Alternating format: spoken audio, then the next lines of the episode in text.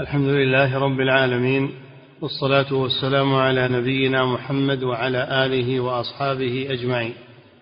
أما بعد قال المؤلف رحمه الله تعالى أبواب الإجارة. بسم الله الرحمن الرحيم. الحمد لله رب العالمين صلى الله وسلم على نبينا محمد وعلى آله وأصحابه أجمعين. لما انتهى المؤلف رحمه الله من إيراد الأحاديث الواردة في البيع وأحكامه وهو بيع العين والرقبة انتقل إلى بيع المنافع وهو الإيجارة فالإيجارة بيع للمنفعة. نعم. أبواب الإجارة باب ما يجوز الاستئجار عليه من النفع المباح. نعم يجوز الإيجار على النفع المباح. يخرج الاستئجار على النفع المحرم. كأن يستأجر من يستأجر من الفنانين متخصصين باللهو واللعب وضرب الطبول وما أشبه ذلك. هذا نفع محرم. لا يجوز الاستئجار من أجله. وكذلك أن يستأجر من يصنعون الخمور ونحو ذلك من المحرمات. الاستئجار على هذا لا يجوز لأن المنفعة محرمة. نعم. باب ما يجوز الاستئجار عليه من النفع المباح.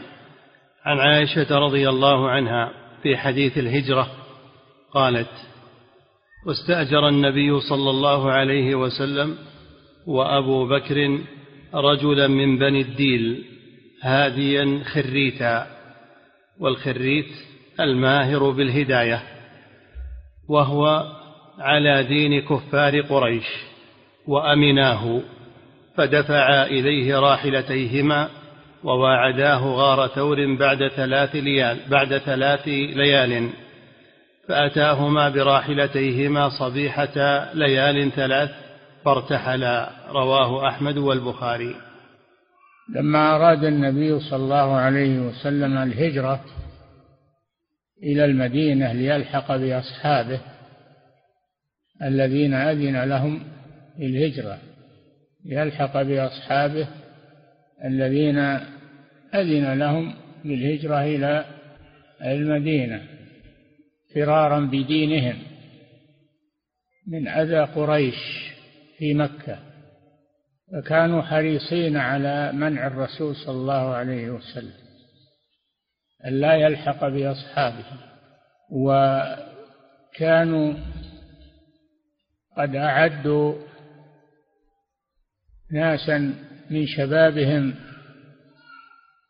من الماهرين باستعمال السلاح استاجروهم على باب الرسول صلى الله عليه وسلم خشية أن يخرج من بيته.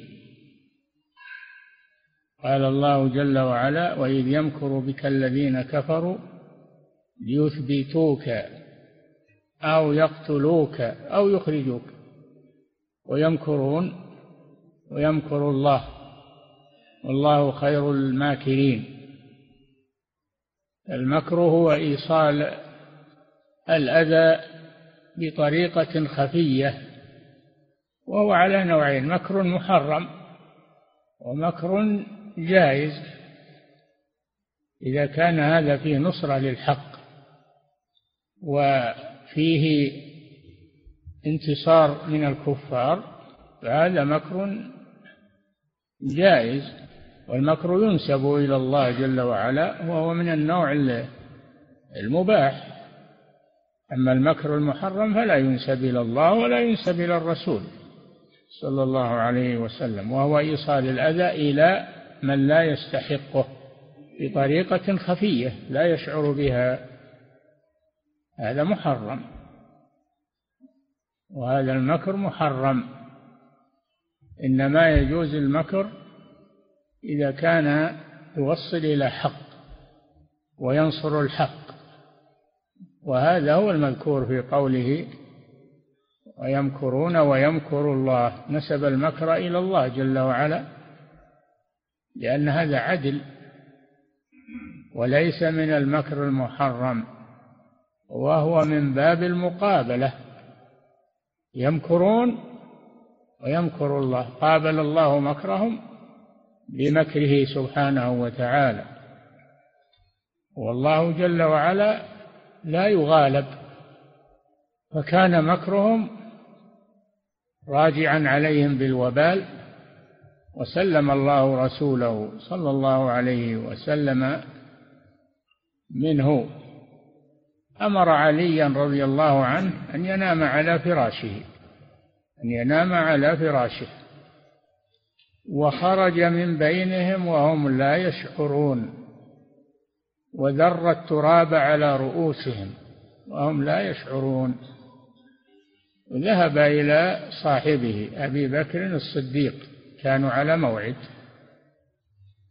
كانوا على موعد مع أبي بكر الصديق رضي الله عنه ليصاحبه في في هجرته وفي سفره يدافع عنه فخرج من بينهم وهم لا يشعرون وذر التراب على رؤوسهم وذهب هو وصاحبه إلى غار ثور إلى غار ثور جنوب مكة. الرسول يقصد المدينة ولكن ذهب إلى جنوب مكة وهذا من المكر الذي مكره الله لرسوله صلى الله عليه وسلم ليعمي الخبر عنهم. اختفيا في غار ثور وكان آه، كان عبد الله بن أبي بكر يأتيهم بغنم يرعى غنما ويأتي عليهم ويشربون من لبنها وهم في الغار. وكانت أسماء بنت أبي بكر رضي الله عنها ذات النطاقين رضي الله عنها تأتيهم بالطعام خفية. امرأة ما ينظرون إليها على أنها امرأة ذهبت مع غنم وهي تحمل الطعام لرسول الله صلى الله عليه وسلم ولصاحبه. شدت نطاقها الذي تلبسه وجعلت جعلته سفرة للرسول صلى الله عليه وسلم ولصاحبه. سميت ذات النطاقين رضي الله عنها. اختفيا في غار ثور ثلاثة أيام. حتى انقطع الطلب انقطع الطلب عن عنهما. وكان قد واعد رجلا هاديا خريتا يعرف الطريق وهو ابن أريقط الليثي وكان كافرا. استأجراه ليدلهما على الطريق هاديا خريتا ففيه دليل على استئجار الكافر. في منفعة مباحة. استأجر عبد الله بن أريقط الليثي ليدلهما على الطريق و كان قد أعد كان أبو بكر قد أعد راحلتين. أبو بكر أعد من ماله رضي الله عنه راحلتين واحدة للرسول صلى الله عليه وسلم يركبها والثانية له يركبها. فجاءهما بالراحلتين خفية ركبا وقصد المدينة قصد المدينة. وكانت قريش قد ضربت حصارا على مكة وحواليها. ليحولوا دون هجرة الرسول صلى الله عليه وسلم. وكان آه، وكان أحد الصحابة آه، لحق بهما رآهما ولحق بهما. فساخت قوائم فرسه يعني غاصت في الأرض.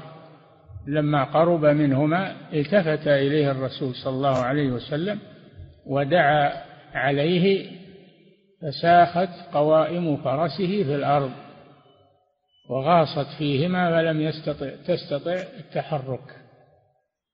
فناشد النبي صلى الله عليه وسلم أن أن يطلق فرسه وأن لا يخبر عنهما أن لا يخبر عنهما. فالنبي صلى الله عليه وسلم دعا لها فأخرجها الله من من الأرض وعاد الرجل. قال له النبي صلى الله عليه وسلم وهو كذلك كيف بك إذا لبست سواري كسرى وين كسرى؟ ملك الأرض ذاك اليوم قوي.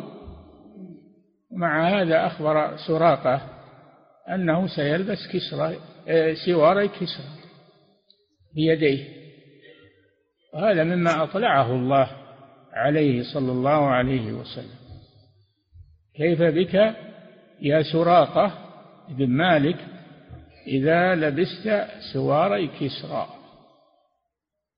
تعجب الرجل كيف يلبس سوار كسرى؟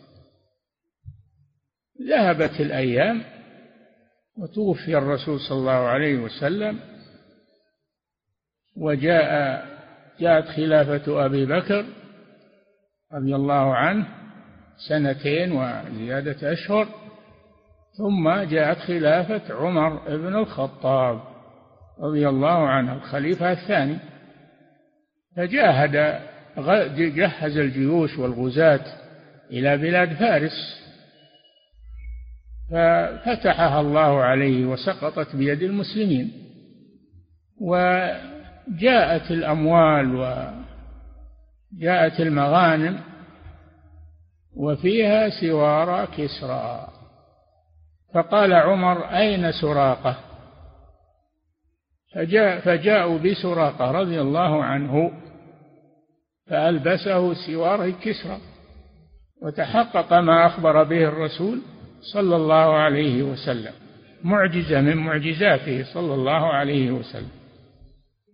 رجل من البادية يلبس سوار كسرى ملك الفرس هذا أمر عجيب ولكن الله لا يعجزه شيء سبحانه وتعالى. نعم. وعن أبي هريرة رضي الله عنه عن النبي صلى الله عليه وسلم قال ما بعث الله نبيا إلا رعى الغنم. فقال أصحابه وأنت؟ قال نعم كنت أرعاها على قراريط لأهل مكة. رواه أحمد والبخاري وابن ماجه. ما بعث الله نبيا إلا رعى الغنم. الغنم فيها خير فيها هدوء سكينة.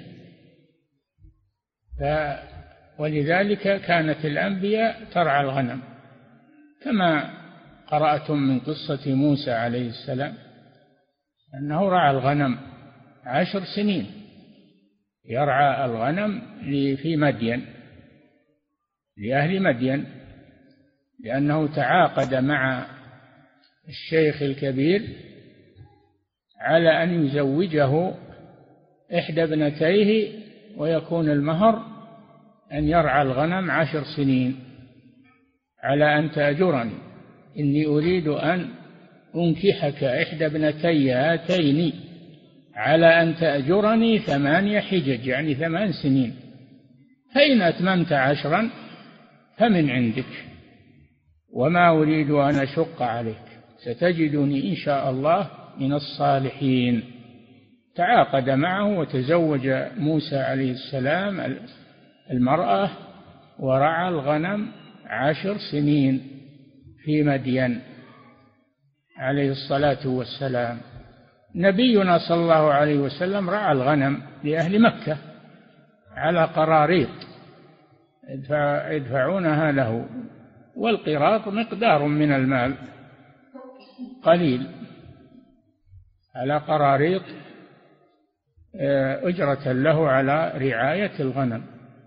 وذلك لما في الغنم من السكينة والطمأنينة والبركة والخير ولأنه يتعود من رعاية الغنم الرفق والهدوء فهو تربية تربية من الله عز وجل لمن يريد أن يبعثه رسولا إلى الناس.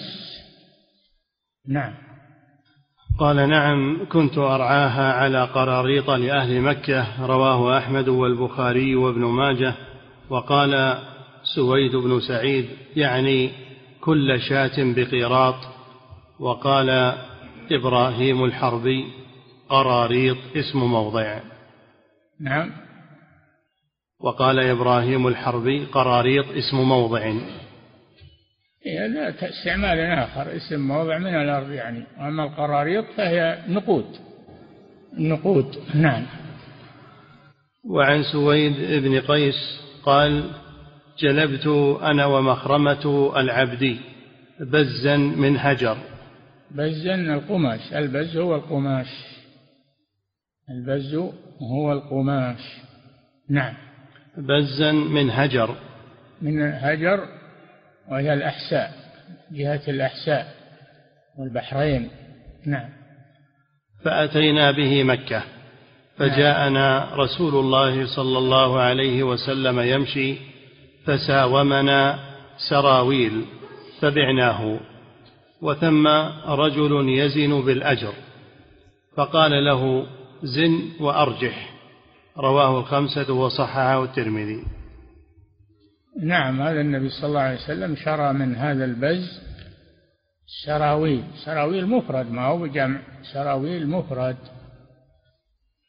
يعني نسميه إحنا سروال وهو في اللغة سراويل وهو ما يلبس على أسفل البدن. اشترى النبي صلى الله عليه وسلم من هذا القماش سراويل يلبسها. فدل على جواز البيع في مثل هذا. نعم. فساومنا سراويل فبعناه وثم رجل يزن بالأجر فقال له زن وأرجح. زن القراريط اللي هي ثمن السراويل وأرجح هذا فيه حسن الوفاء زيادة حسن الوفاء. إذا أردت أن تسدد لأحد دينا أو طلبا عليك فإنك تزيد تزيد على المقدار من باب حسن الوفاء. قال صلى الله عليه وسلم خيركم أحسنكم قضاء. نعم.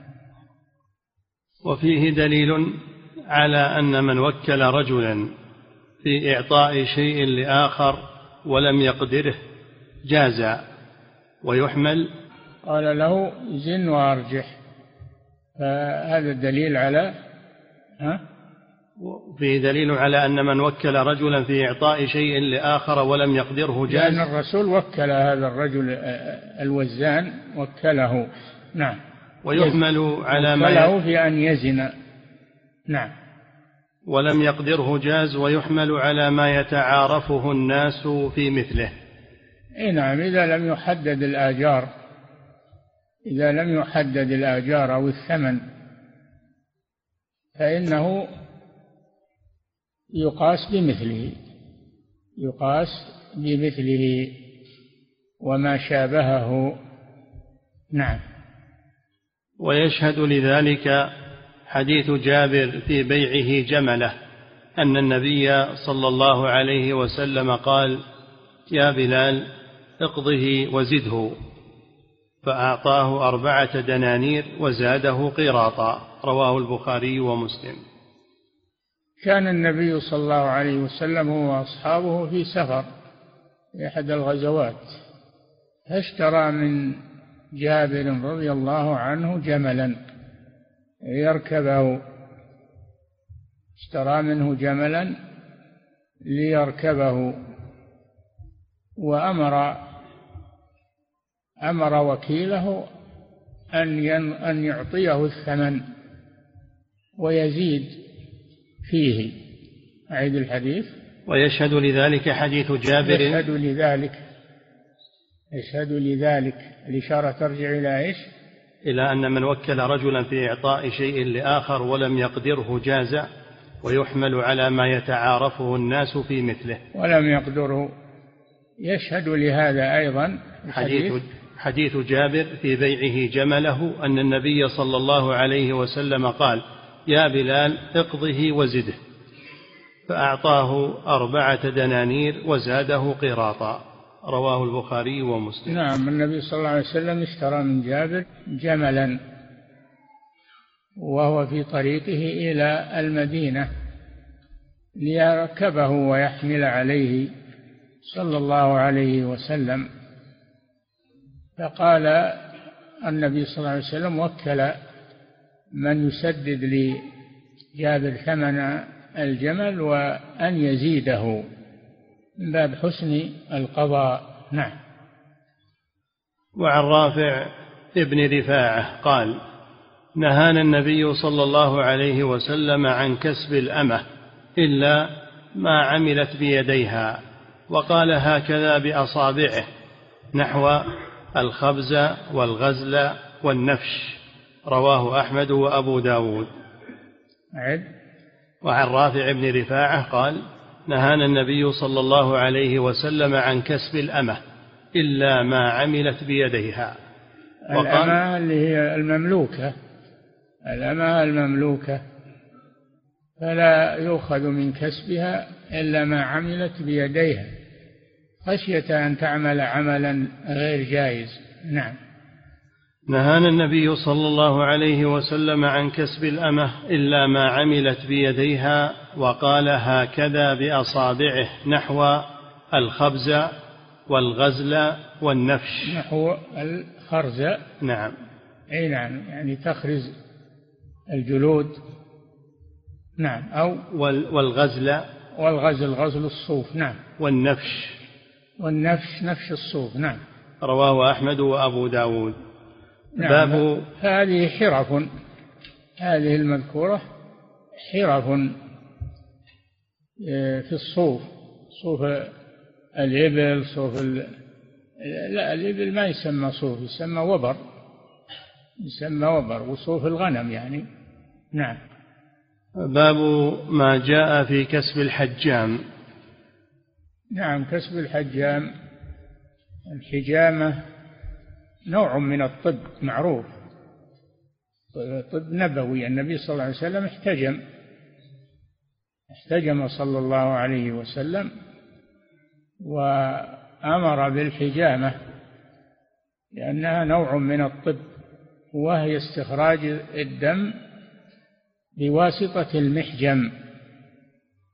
استخراج الدم بواسطة المحجم وهي معروفة عند الناس وفيها فائدة ولها أوقات محددة. ف والحجام يأخذ على عمله الحجامة يأخذ الأجرة. وأما قوله صلى الله عليه وسلم كسب الحجام خبيث ليس معناه أنه محرم. خبيث يعني ردي لأنه نتيجة لشفط الدم وربما يطير إلى حلقه شيء منه. فإذا أخذ عليه أجرة فإن هذا كسب ردي ودني. والخبيث يطلق على الردي وقال الله جل وعلا ولا تيمموا الخبيث يعني الردي. ولا تيمموا الخبيث منه تنفقون. ولستم بآخذيه إلا أن تغمضوا فيه. واعلموا أن الله غني حميد. فالخبيث يطلق على الشيء الردي لا على المحرم. نعم. باب ما جاء في كسب الحجام عن أبي هريرة رضي الله عنه أن النبي صلى الله عليه وسلم نهى عن كسب الحجام. ومهر البغي. يعني نهى عن كسب الحجام نهي تنزيل ما هو نهي تحريم؟ ليس نهي تحريم ولأنه كسب ردي. نعم. نهى عن كسب الحجام ومهر البغي. أما مهر البغي فهو محرم والعياذ بالله الذي تأخذه في مقابل آه، في مقابل العبث بفرجها والنكاح المحرم. نعم. هذا مهر البغي يعني الزانية. فمهرها حرام لأنه في مقابل عمل محرم. نعم. وثمن الكلب. ثمن الكلب. الكلب لا يباع لا يجوز بيع الكلب. لا يجوز بيع الكلاب. ولكن هي من المختصات. الكلب من من من الخصوصيات للناس يأخذونها ويربونها ويستعملونها من باب الاختصاص لا من باب الملك. الكلب لا يملك وإنما يسمى هذا بالاختصاص. فلا يجوز أن يبيعه من كان مختصا به ولكن يجوز له أن يأخذ مقابل ما تعب عليه وعلى لا على أنه بيع وإنما هو مقابلة لما عمله من تربية الكلب وإعاشة الكلب وغير ذلك. نعم. رواه أحمد وعن رافع ابن خديج رضي الله عنه أن النبي صلى الله عليه وسلم قال وعن وعن رافع بن خديج رضي الله عنه قال أن النبي صلى الله عليه وسلم قال كسب الحجام خبيث. كسب الحجام خبيث يعني ردي ليس معناه أنه محرم ولكنه ردي. نعم. ومهر البغي خبيث. أما مهر البغي فهو محرم خبيث يعني محرم. نعم. وثمن الكلب خبيث. ثمن الكلب خبيث يعني أنه ردي أنه لا ما, ما هو محرم لأنه نهى عن بيع الكلب يكون ثمنه حرام. نعم. رواه أحمد وأبو داود والترمذي وصححه والنسائي والنسائي ولفظه شر المكاسب ثمن الكلب وكسب الحجام ومهر البغي. هذه فيها محرم وفيها مكروه. ثمن الكلب محرم. مهر البغي محرم. كسب الحجام مكروه. قوله كسب الحجام خبيث يعني أنه مكروه لكنه مباح. النبي صلى الله عليه وسلم وصف البصل بأنه خبيث يعني خبيث الرائحة. ومع ذلك البصل حلال لكن رائحته كريهة في المجالس في المساجد. نعم. وعن محيصة ابن مسعود أنه كان له غلام حجام فزجره النبي صلى الله عليه وسلم عن كسبه فقال ألا أطعمه أيتاما لي؟ قال لا. قال أفلا أتصدق به؟ قال لا. فرخص له أن يعلفه ناضحة. رواه أحمد. نعم. فنهى عن بيع آه، نعم. كسب الحجام. عن كسب الحجام. قال إنه خبيث يعني ردي فلا تأكله. نعم. وعن محيصة بن مسعود أنه كان له غلام حجام فزجره النبي صلى الله عليه وسلم عن كسبه. فقال ألا أطعمه أيتاما لي؟ ألا أطعم كسبه أيتاما لي؟ قال لا. نعم. قال أفلا أتصدق به؟ قال لا. فرخص له لأنه ما تجوز الصدقة بكسب ردي. لا تيمموا الخبيث منه ينفقون نعم. فرخص له أن يعلفه ناضحة رواه أحمد. رخص له أن يشتري به علفا لناضحه والناضح هو البعير الذي يسني عليه. النواضح هي السواني التي تستنبط من البير للزرع ونحوه. نعم. وفي لفظ أنه استأذن النبي صلى الله عليه وسلم في إجارة الحجام فنهاه عنها. أه؟ وفي لفظ أنه استأذن النبي صلى الله عليه وسلم في إجارة الحجام. نعم. فنهاه عنها. ولم ي... نهاه عنها نهي تنزيه لا نهي تحريم. نعم. ولم يزل يسأله ولم يزل يسأله فيها حتى قال أعلفه ناضحك أو أطعمه رقيقك. نعم أعلفه ناضحك. يعني البعير الذي تسني عليه أو أطعمه رقيقك يعني مملوكك ولا تأكله أنت لأنه كسب دني فترفع عنه. نعم. أعلف ناضحك دليل على مشروعية التغذي بالطيبات. يا أيها يا أيها الناس كلوا من طيبات ما رزقناكم من الطيبات. لا من الأشياء المكروهة أو المحرمة نعم أو الشيء الأشياء الدنيئة المسلم يترفع عنها ولا يستطعمها ولا يطعمها أولاده أو من تحت يده يطعمها البهائم أو المملوك نعم. أعلفه ناضحك وأطعمه رقيقك رواه أحمد وأبو داود والترمذي وقال حديث حسن وعن. أنس رضي الله عنه أن النبي صلى الله عليه وسلم احتجم حجمه أبو طيبة وأعطاه صاعين من طعام وكلم مواليه فخففوا عنه متفق عليه احتجم النبي صلى الله عليه وسلم حجمه أبو طيبة وهو مملوك.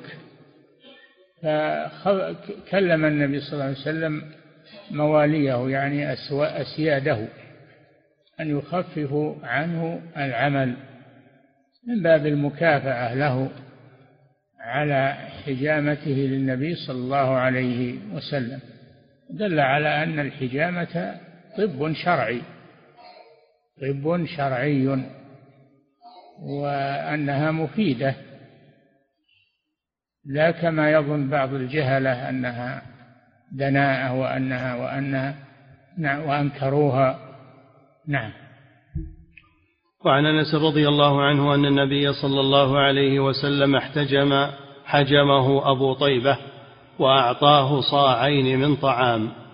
أعطاه صاعين من طعام مقابل حجامته.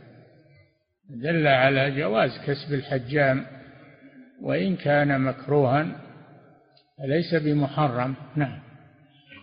وأعطاه صاعين من طعام وكلم مواليه فخففوا عنه متفق عليه وفي لفظ دعا غلاما منا حجمه فأعطاه أجره صاع صاعا أو صاعين وكلم مواليه أن يخففوا عنه من ضريبته. كلم وكلم مواليه يصلح. وكلم مواليه نعم. أن يخففوا عنه من ضريبته. رواه أحمد والبخاري. يعني يخفف عنه من ما يتقاضونه منه من المال. نعم. وعن وعن ابن عباس رضي الله عنهما قال احتجم النبي صلى الله عليه وسلم وأعطى الحجام أجره. ولو نعم. كان وهذا أيضا كالحديث الذي قبله يثبت أن النبي صلى الله عليه وسلم احتجم. دل على جواز التداوي بالحجامة. نعم. وعن ابن عباس رضي الله عنهما قال احتجم النبي صلى الله عليه وسلم وأعطى, وأعطى الحجام أجره ولو كان سحتا لم يعطه. رواه نعم هذا محل الشاهد. لو كان سحتا يعني حراما لم يعطه. إذا يكون معنى قوله صلى الله عليه وسلم كسب الحجام خبيث أنه مكروه وليس محرما. نعم. وأعطى الحجام أجره ولو كان سحتا لم يعطه. رواه أحمد والبخاري ومسلم ولفظه حجم النبي صلى الله عليه وسلم عبد لبني بياضة فأعطاه النبي صلى الله عليه وسلم أجره وكلم سيده فخفف عنه من ضريبته ولو كان سحتا لم يعطه النبي صلى الله عليه وسلم. ولو كان كسب الحجام سحتا يعني حراما لم يعطه النبي صلى الله عليه وسلم للحجام. دل على أن كلمة خبيث أنه يعني ردي ليس حراما. نعم. باب ما جاء في الأجرة على القرب. الأجرة على القرب لا تجوز. الأجرة على القرب على الإمامة على الأذان على الحسبة على الأمور الطاعات. لا يجوز أن يؤاجر عليها.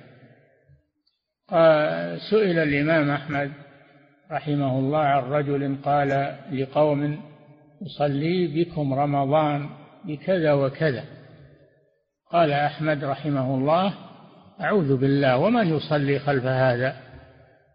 فلا يجوز أن يشارط على العبادات وإنما يدفع يدفع شيء آه، للعامل بها لا على أنه ثمن وإنما على أنه إعانة له. نعم. باب ما جاء في الأجرة على القرب عن عبد الرحمن بن شبل عن النبي. وأما ما يؤخذ من بيت المال فهذا لا حرج فيه. ما يصرف للقضاة ما يصرف لأئمة المساجد ما يصرف للدعاة ما يصرف هذا ليس من باب الأجرة وإنما هو رزق من بيت المال.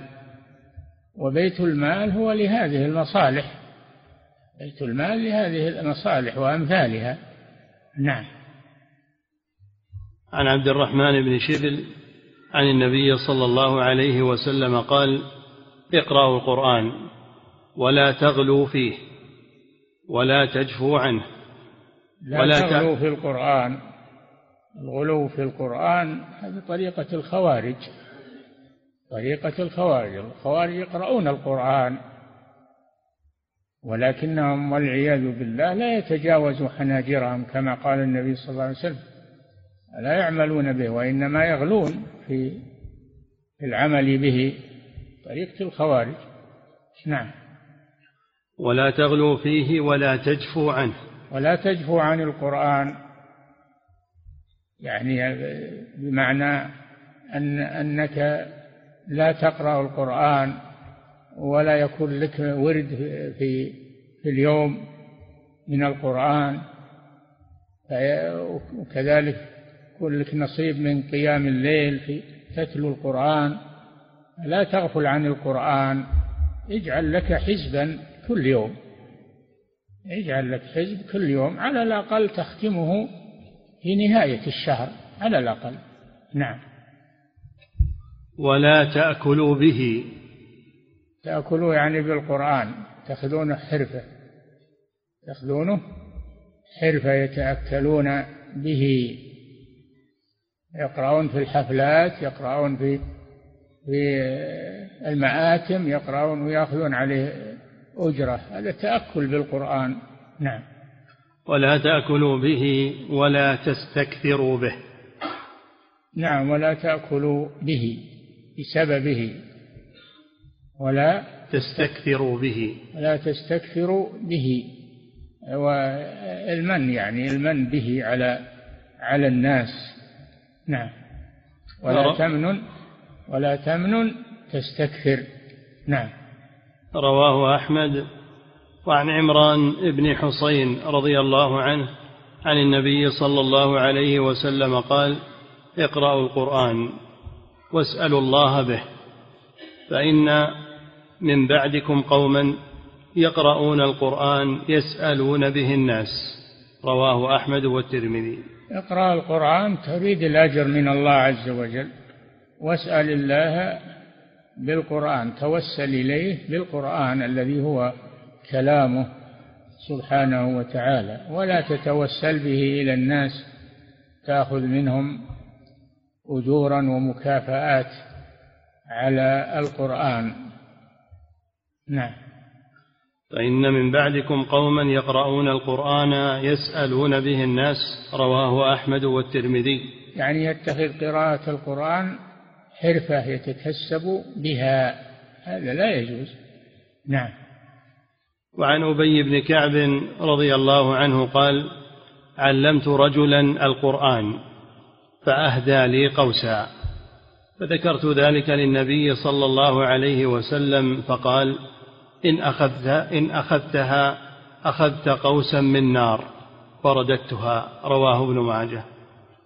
نعم إذا أخذها على أنها في مقابل تعليم القرآن فإنها يعذبه الله بها. نعم. إذا كان هذا من باب الأجرة. نعم. إن أخذتها أخذت قوسا من نار فرددتها رواه ابن ماجه ولأبي داود وابن ماجه نحو ذلك من حديث عبادة بن الصامت. وقال النبي صلى الله عليه وسلم لعثمان ابن أبي العاص. لا تتخذ مؤذنا يأخذ على أذانه أجرا. عثمان بن أبي العاص الثقفي رضي الله عنه كان من شباب الصحابة وهو من أهل الطائف من أهل الطائف. والنبي صلى الله عليه وسلم لما أراد أن يذهب من عنده جاء يتعلم عند النبي صلى الله عليه وسلم فلما أراد الرجوع إلى بلده أوصاه النبي صلى الله عليه وسلم بوصايا منها واتخذ مؤذنا لا يتخذ على أذانه أجرا. يعني قاطع عليه يقول ما أذن إلا بكذا وكذا. أما إذا أذن وأعطي شيئا بدون يعني اشتراط فلا بأس بذلك. أو أعطي من بيت المال لا بأس بذلك. إنما يقول لا أؤذن بكم إلا بكذا أو لا أصلي بكم إلا بكذا وكذا. هذا لا يجوز. قال أحمد أعوذ بالله ومن يصلي خلف هذا؟ نعم. وعن ابن عباس رضي الله عنهما أن نفرا من أصحاب النبي صلى الله عليه وسلم مروا بماء فيهم لديغ أو سليم. فعرض نعم اللديغ يسمى سليم تفاؤل من باب التفاؤل. يسمونه سليم يعني سالم من من اللدغة من باب التفاؤل. نعم.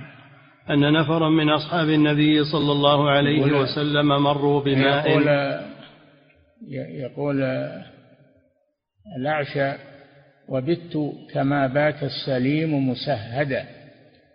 بت كما بات السليم مش والسليم الملدوغ مسهدا يعني لا لا لا بين النوم واليقظة من شدة من شدة حر اللدغة والعياذ بالله.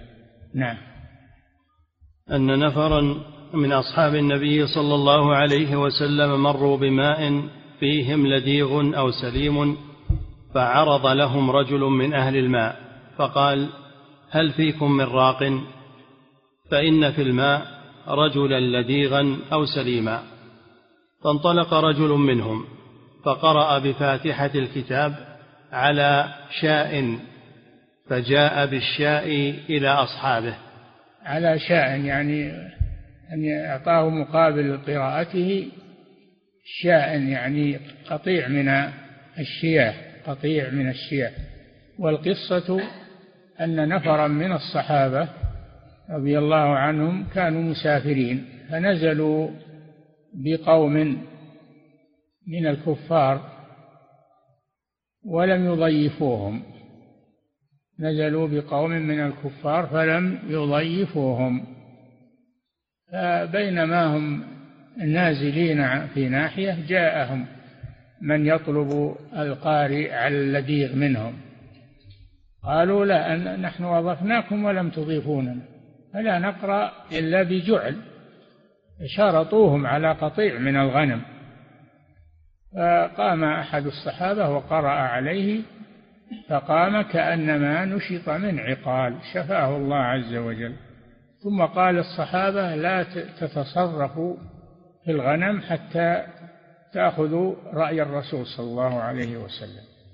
فقدموا بها على المدينة وذهبوا إلى الرسول صلى الله عليه وسلم فقال اقسموها واضربوا لي معكم بسهم. يريد أن يطيب خواطرهم ويثبت أن هذا مباح.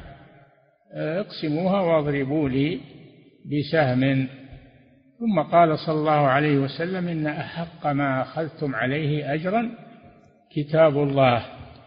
بالرقية بالتعليم نعم. فإن في الماء رجلا لديغا أو سليما فانطلق رجل منهم فقرأ بفاتحة الكتاب على شاء فجاء بالشاء إلى أصحابه فكرهوا ذلك وقالوا أخذت على كتاب الله أجرا حتى قدموا المدينة. فقالوا يا رسول الله أخذ على كتاب الله أجرا. فقال رسول الله صلى الله عليه وسلم إن أحق ما أخذتم عليه أجرا كتاب الله رواه البخاري. إيه نعم على تعليم القرآن على آه، الرقية الرقية بالقرآن آه، لا بأس أن يؤخذ عليه أجر. نعم. وعن أبي سعيد رضي الله عنه قال انطلق نفر من أصحاب النبي صلى الله عليه وسلم في سفرة سافروها. حتى نزلوا على حي من أحياء العرب فاستضافوهم فأبوا أن يضيفوهم. فلدغ سيد ذلك الحي فسعوا له بكل شيء لا ينفعه شيء. فقال بعضهم لو أتيتم هؤلاء الرهط الذين نزلوا لعلهم أن يكون عندهم بعض شيء. فأتوهم فقالوا يا أيها الرهط إن سيدنا لدغ. وسعينا له بكل شيء لا ينفعه. فهل عند, فهل عند أحد منكم من شيء؟ قال بعضهم إني والله لأرقي ولكن والله لقد استضفناكم فلم تضيفونا فما أنا براق لكم حتى تجعلوا لنا جعلا. نعم. فصالحوهم على قطيع من غنم فانطلق يتفل عليه ويقرأ الحمد لله رب العالمين. فكأنما نشط من عقال. نشط. فكأنما نشط من عقال. نشط يعني فك فك من عقال. نعم. فكأنما نشط من عقال فانطلق يمشي وما به قلبه. قال فأوفوهم جعلهم الذي صالحوهم عليه. فقال بعضهم اقتسموا. فقال الذي رقى لا تفعلوا حتى نأتي النبي صلى الله عليه وسلم فنذكر له الذي كان فننظر الذي يأمرنا. فقدموا على النبي صلى الله عليه وسلم فذكروا له ذلك. هذا فيه الرجوع إلى أهل العلم الرجوع إلى أهل العلم عند المسائل المشكلة. لا يتخرص الناس وإنما يرجعون إلى أهل العلم. رجعوا إلى الرسول صلى الله عليه وسلم. نعم. فننظر الذي يأمرنا. فقدموا على النبي صلى الله عليه وسلم فذكروا له ذلك فقال وما يدريك أنها رقية؟ وما يدريك أن الفاتحة رقية. تسمى بالرقية. الفاتحة تسمى بالرقية. نعم. ثم قال قد أصبتم. اقتسموا واضربوا لي معكم سهما. وضحك النبي صلى الله عليه وسلم. رواه الجماعة إلا النسائي وهذا لفظ البخاري وهو أتم. ضحك إقرارا لهم على ما فعلوا. نعم. وعن خارجة ابن الصلت عن عمه أنه أتى النبي صلى الله عليه وسلم ثم أقبل راجعا من عنده فمر على قوم عندهم رجل مجنون موثق بالحديد. فقال أهله إنا قد حدثنا أن صاحبكم هذا قد جاء بخير. فهل عندكم شيء تداويه؟ فهل عندك شيء تداويه؟ فقال فرقيته بفاتحة الكتاب ثلاثة أيام كل يوم مرتين فبرئ فبرأ فأعطوني مئتي شاة. فأتيت النبي صلى الله عليه وسلم فأخبرته فقال خذها فلعمري من أكل برقية باطل فقد أكلت برقية حق. رواه أحمد وأبو داود. نعم فهذا دليل على أن أخذ الأجرة على الرقية بالقرآن أنها جائزة لأن النبي صلى الله عليه وسلم أقر الصحابة عليها. نعم. وقد صح أن النبي صلى الله عليه وسلم زوج امرأة رجلا على أن يعلمها سورا من القرآن. هذه امرأة وهبت نفسها للنبي صلى الله عليه وسلم. النبي صلى الله عليه وسلم نظر إليها وكأنها لم تدخل نظره. فجلست المرأة عنده. كان عنده رجل جالس فلما رأى أن النبي صلى الله عليه وسلم لا يريدها قال زوجنيها يا رسول الله إن لم تكن لك بها رغبة. فقال سأله المهر لها ما معه شيء؟ إلا قال ما معي إلا إزاري هذا ما معي إلا إزاري هذا. قال وما تفعل بإزارك؟ إن أعطيتها إياه بقيت بلا إزار. بقيت بلا إزار. وإن لبسته بقيت هي بلا بلا مهر. لكن ما معك من القرآن. القرآن ما شاء الله تاجر عنده كثير من القرآن. معي سورة كذا ومعي سورة كذا ومعي سورة كذا. قال له النبي صلى الله عليه وسلم أنكحتكها بما معك من القرآن يعني بأن تعلمها ما معك من القرآن. فعلمها القرآن وصار هذا هو صار هذا هو مهرها. دل على أن المهر يكون منفعة يكون القرآن يكون المهر مالا ويكون منفعة. نعم. وقد صح أن النبي صلى الله عليه وسلم زوج رعى موسى عليه السلام الغنم عشر سنين لأهل مدين. هذه منفعة أيضا. نعم. وقد صح أن النبي صلى الله عليه وسلم زوج امرأة رجلا على أن يعلمها سورا من القرآن.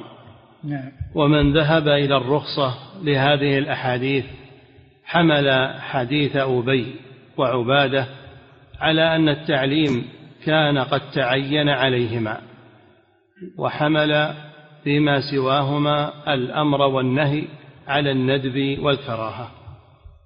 نعم. باب النهي أن يكون النفع أو الأجر مجهولا. يكفي.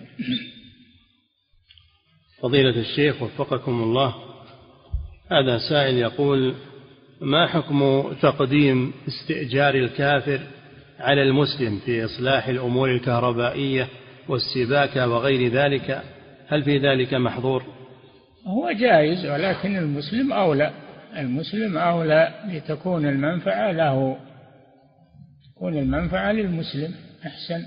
نعم.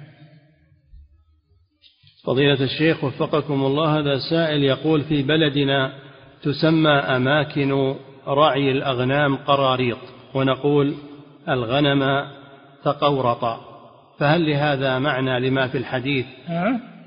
يقول في بلدنا تسمى أماكن رعي الأغنام قراريط. ونقول الغنم تقر تقروط. هل لهذا معنى لما في الحديث؟ وأنه لا, لا ما له ما له علاقة بالحديث. تسمونه آه، المرعى تسمونه قراريط؟ لا. نعم. أو تسمون بقعة من الأرض قراريط؟ لا. نعم. فضيلة الشيخ وفقكم الله هذا سائل يقول ما الحكم بأن يتفق تاجر مع صاحب أرض على أن يبني له أرضه عمارة بأن يؤجر له المحلات التجارية لمدة كذا أه؟ يقول ما الحكم بأن يتفق تاجر مع صاحب أرض على أن يبني هذا التاجر الأرض كعمارة على أن يؤجر المحلات التجارية لهذا الباني لهذا المقاول لمدة كذا سنة أو أشهر. هل يجوز هذا؟ نعم يجوز هذا لا بأس به. نعم. فضيلة الشيخ وفقكم الله. أو, أو يبنيها أو الشركة تبنيها وتستعملها مدة معينة ثم إذا انتهت المدة تسلمها لصاحبها. لا بأس بذلك. نعم. فضيلة الشيخ وفقكم الله هذا سائل يقول هل يقال بأن الحجامة سنة نبوية ومستحبة؟ لا مباحة. يقال إنها مباحة. نعم. فضيلة الشيخ وفقكم الله في قول الرسول صلى الله عليه وسلم أفطر الحاجم والمحجوم. الحاجم الآن لا يباشر مص الدم بفمه وإنما عن طريق جهاز شفط. فهل يفطر الحاجم بذلك؟ الحديث على عمومه يبقى الحديث على عمومه وأنه لا يجوز للصائم أن يحتجم. إذا احتجم فإنه بطل صيامه وأفطر بالحجامة لأنه استخرج الدم الذي به قوته. استخرج الدم الذي به قوته. الدم الذي يعينه على الصيام. نعم. فضيلة الشيخ وفقكم الله هذا سائل يقول بقول الرسول صلى الله عليه وسلم ما من نبي إلا قد رعى الغنم. هل يقال بأن رعي الغنم من سنن الأنبياء وأنه سنة نبوية؟ رعي الغنم عند عند الحاجة يكون من سنن الأنبياء. أما أنك أنت مغنيك الله وتاجر تروح ترعى الغنم ما ما له وجه هذا. نعم لكن المحتاج يرعى الغنم. نعم. فضيلة الشيخ وفقكم الله نهي النبي صلى الله عليه وسلم عن ثمن الكلب فهل يجوز بيع السباع كالأسد وغيرها من السباع؟ لا. كلها كلاب كلها تسمى كلاب. السباع أولى بالنهي عن البيع نعم. فضيلة الشيخ وفقكم الله وكذلك يسأل حفظكم الله لكن, عن لكن يقال إذا كان الكلب يحتاج إليه الكلب يحتاج إليه في الحرس أو في أمور الحكومة على أنه على أنه يستخرج الأشياء المحرمة يشمها بشمه يدل على الأشياء المحرمة والأشياء المغيبة عندهم. لا بأس بذلك. لا بأس بذلك. يدفع آه، ثمن لا على أنه ثمن بيع لكن على أنه في مقابلة في مقابلة الانتفاع بهذا الكلب نعم.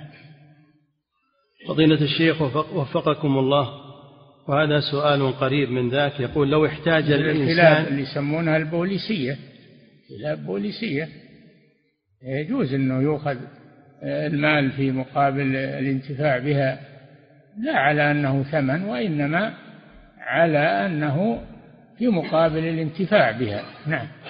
فضيلة الشيخ وفقكم الله هذا سائل يقول لو احتاج الإنسان كلبا للحراسة لحراسة بيته أو حراسة غنمه ولم يحصله إلا بثمن ويباع فهل يجوز له أن يدفع الثمن وتكون في حقه ضرورة؟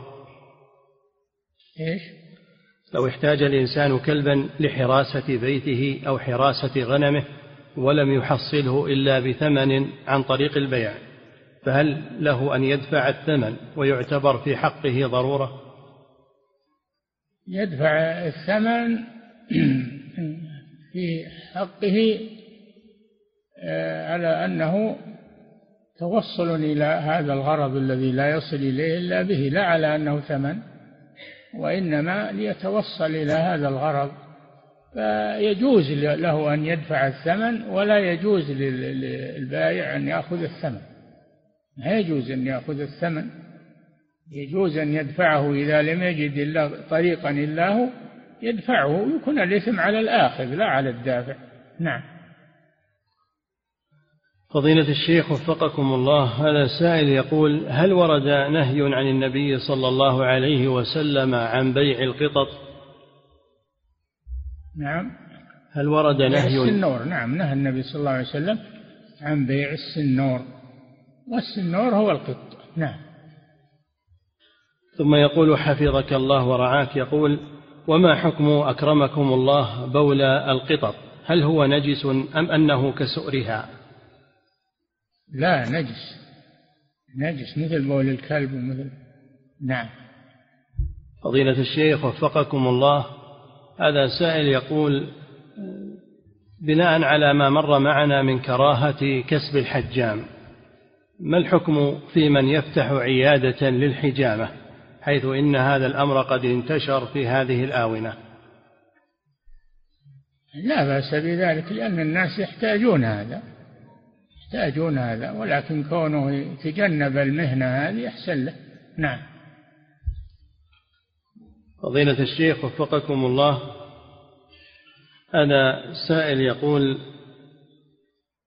في نهي النبي صلى الله عليه وسلم عن كسب الحجام.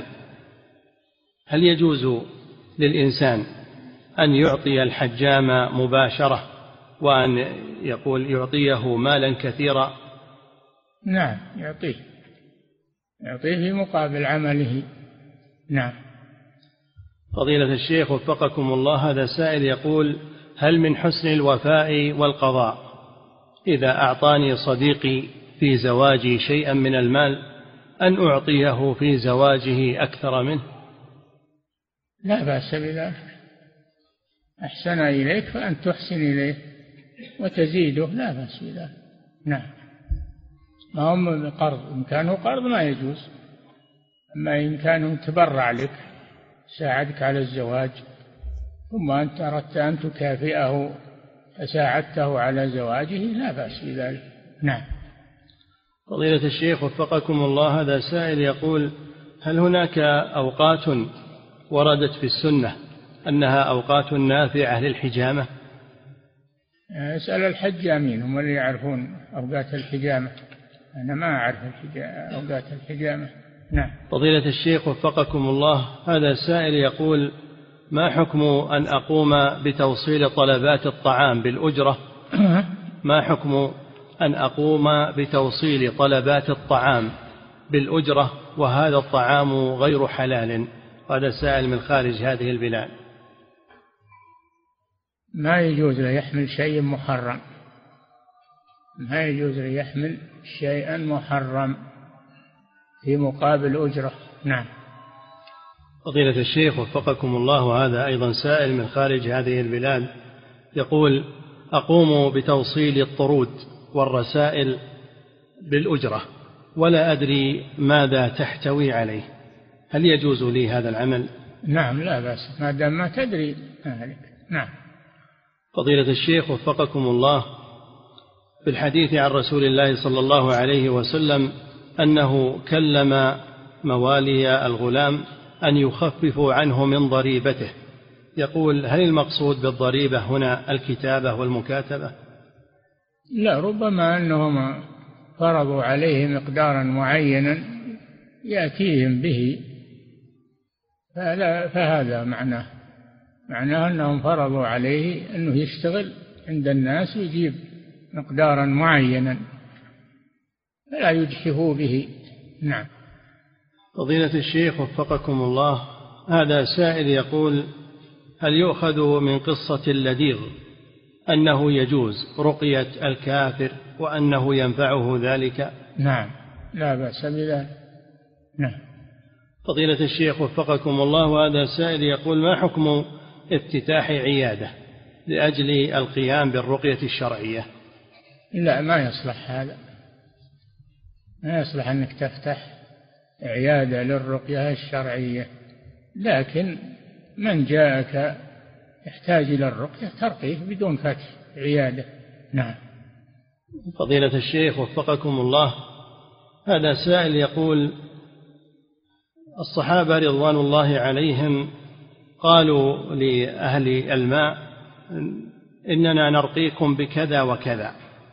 ويقول حددوا لهم شياه فهل يجوز للراقي أن يحدد شيئا من المال مقابل الرقية؟ ما يحدد لكن هؤلاء أرادوا أن ينكلوا هؤلاء الذين لم يضيفوهم فهم لم يرقوهم إلا بقطيع من الغنم من باب التنكيل لهم. نعم. فضيلة الشيخ وفقكم الله. هذه امرأة تسأل فتقول إنها معلمة قرآن وتأخذ راتبا وهي تعلم كبيرات السن. في نهاية الفصل يقمن هؤلاء الكبيرات بإعطائها هدية وكلما رفضت أن تأخذها فإن كبيرات السن يغضبن عليها ويتكلمن معها كثيرا ويقولون نحن لا نريد منك درجات. ولكننا نحبك في الله. سؤال المعلمة هل يجوز لها أن تأخذ هذه الهدية في هذه الحال؟ لا ما دام له راتب يكفيها راتبها ولا تأخذ من الطالبات شيئا. هذه رشوة تكون رشوة هذه. ولأن الطالبة إذا أعطتها شيئا تريد منها أن ترفع درجاتها وتحيث معها. قل من يسلم من هذا. فإغلاق هذا الباب أحسن. نعم.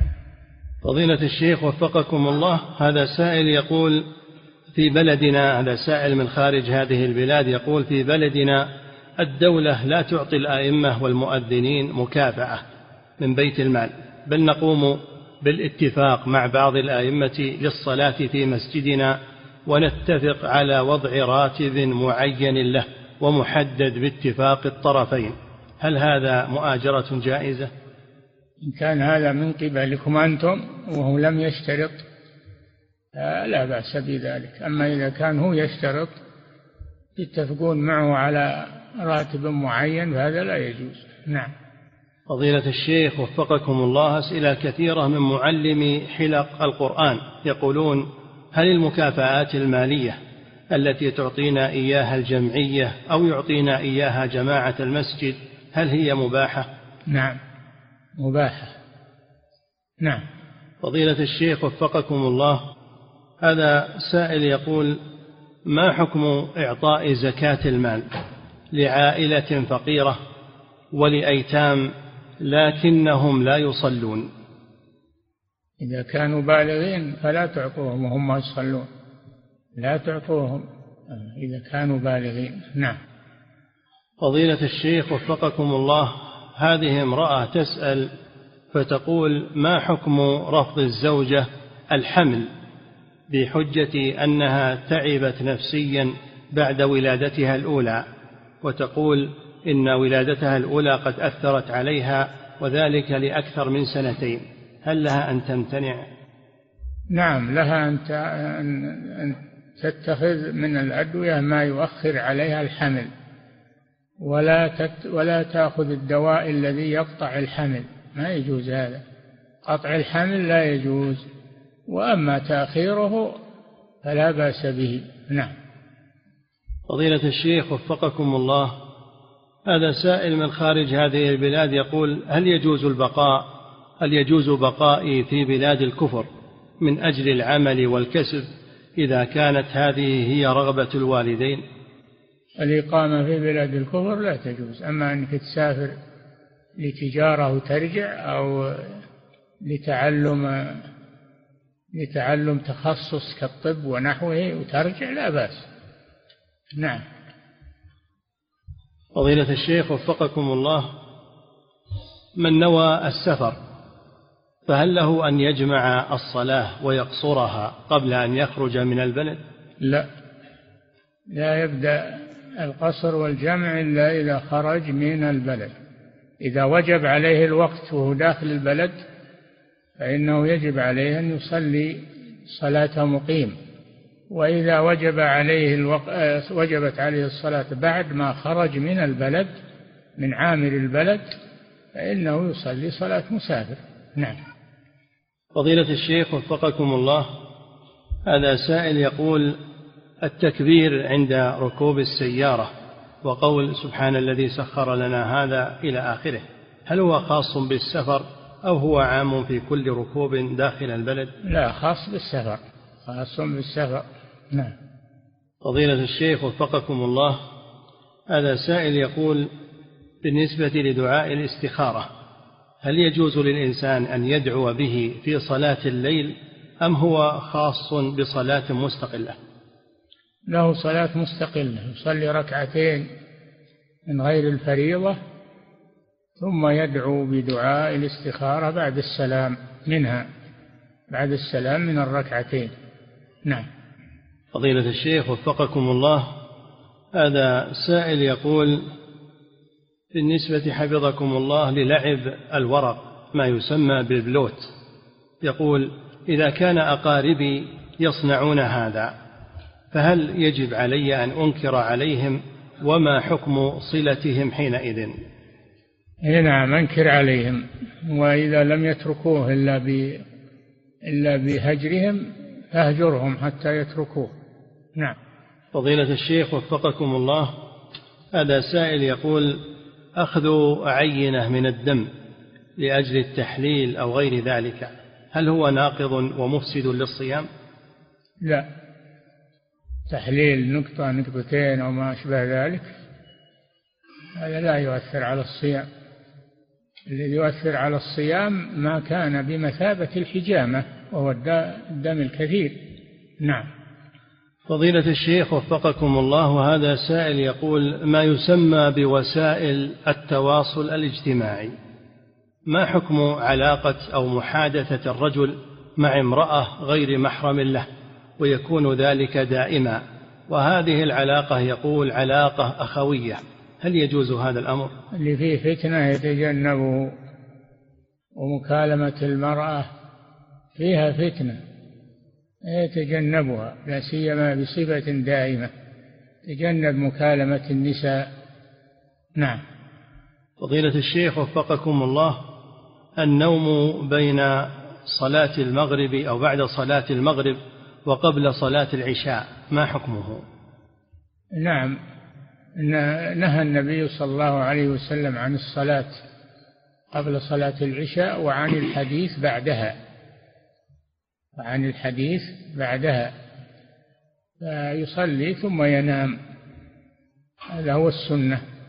لأجل أن يقوم من الليل لأجل أن يقوم لصلاة الفجر نشيطا. نعم. فضيلة الشيخ وفقكم الله هذا سائل يقول من كان عليه حدث أصغر فهل يجوز له أن يمس المصحف من الخارج ولا يمس الآيات والصفحات؟ يمس المصحف بواسطة بواسطة العود العود معه يعني يمس القرآن آيات القرآن بعود معه أو مسطرة. لا بأس بذلك وإذا كان المصحف في تابوت أو في كيس فلا بأس أن يحمله وهو على غير وضوء. نعم. فضيلة الشيخ وفقكم الله. هذا سائل يقول هل طلب الواسطة لأجل الوظيفة يدخل في الشفاعة الحسنة التي بين الخلق؟ الواسطة؟ للوظيفة هل يدخل في الشفاعة الحسنة التي بين الخلق؟ لا ربما أنه تقدم على غيرك. ألا يتوسط أحد لأحد؟ الوظيفة يجرى لها اختبار. يجرى لها اختبار ولها شروط. ولا تحتاج إلى واسطة. من انطبقت عليه الشروط استحق الوظيفة بلا واسطة. نعم.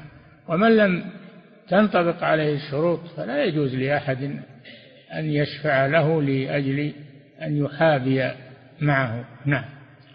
فضيلة الشيخ وفقكم الله وهذا سائل يقول إذا حكم على شخص بالقصاص فهل يشرع أن يشفع عند أولياء المقتول وهل يعتبر هذا من الشفاعة الحسنة لأجل العفو؟ نعم. لا بأس أن يشفع عند صاحب القصاص لأجل أن يعفو مجانا أو يعفو على الدية. لا بأس بذلك. نعم.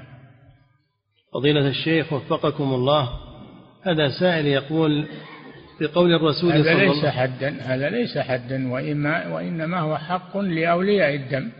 نعم. فضيلة الشيخ وفقكم الله في قول الرسول صلى الله عليه وسلم المدينة حرم ما بين عير إلى ثور. هل ثور هذا هو الغار المذكور في قصة القراريط إيه؟ يقول في قول الرسول صلى الله عليه وسلم المدينة حرم ما بين عير إلى ثور. هل ثور هذا هو الغار المذكور الذي في هو؟ هل, غو هل, هل ثور هذا يقول؟ غار ثور. هل غار هو ثور؟ هذا مكة. غار ثور مكة. غار ثور من مكة. جبل يشبه الثور. شوفون يشبه الثور. هذا في مكة. جنوب مكة. غار ثور جنوب مكة. نعم. وش السؤال؟ المدينة حرم ما بين عير إلى ثور. ما بين عير الجبل الجنوبي المطل على الميقات. الجبل الجنوبي المطل على الميقات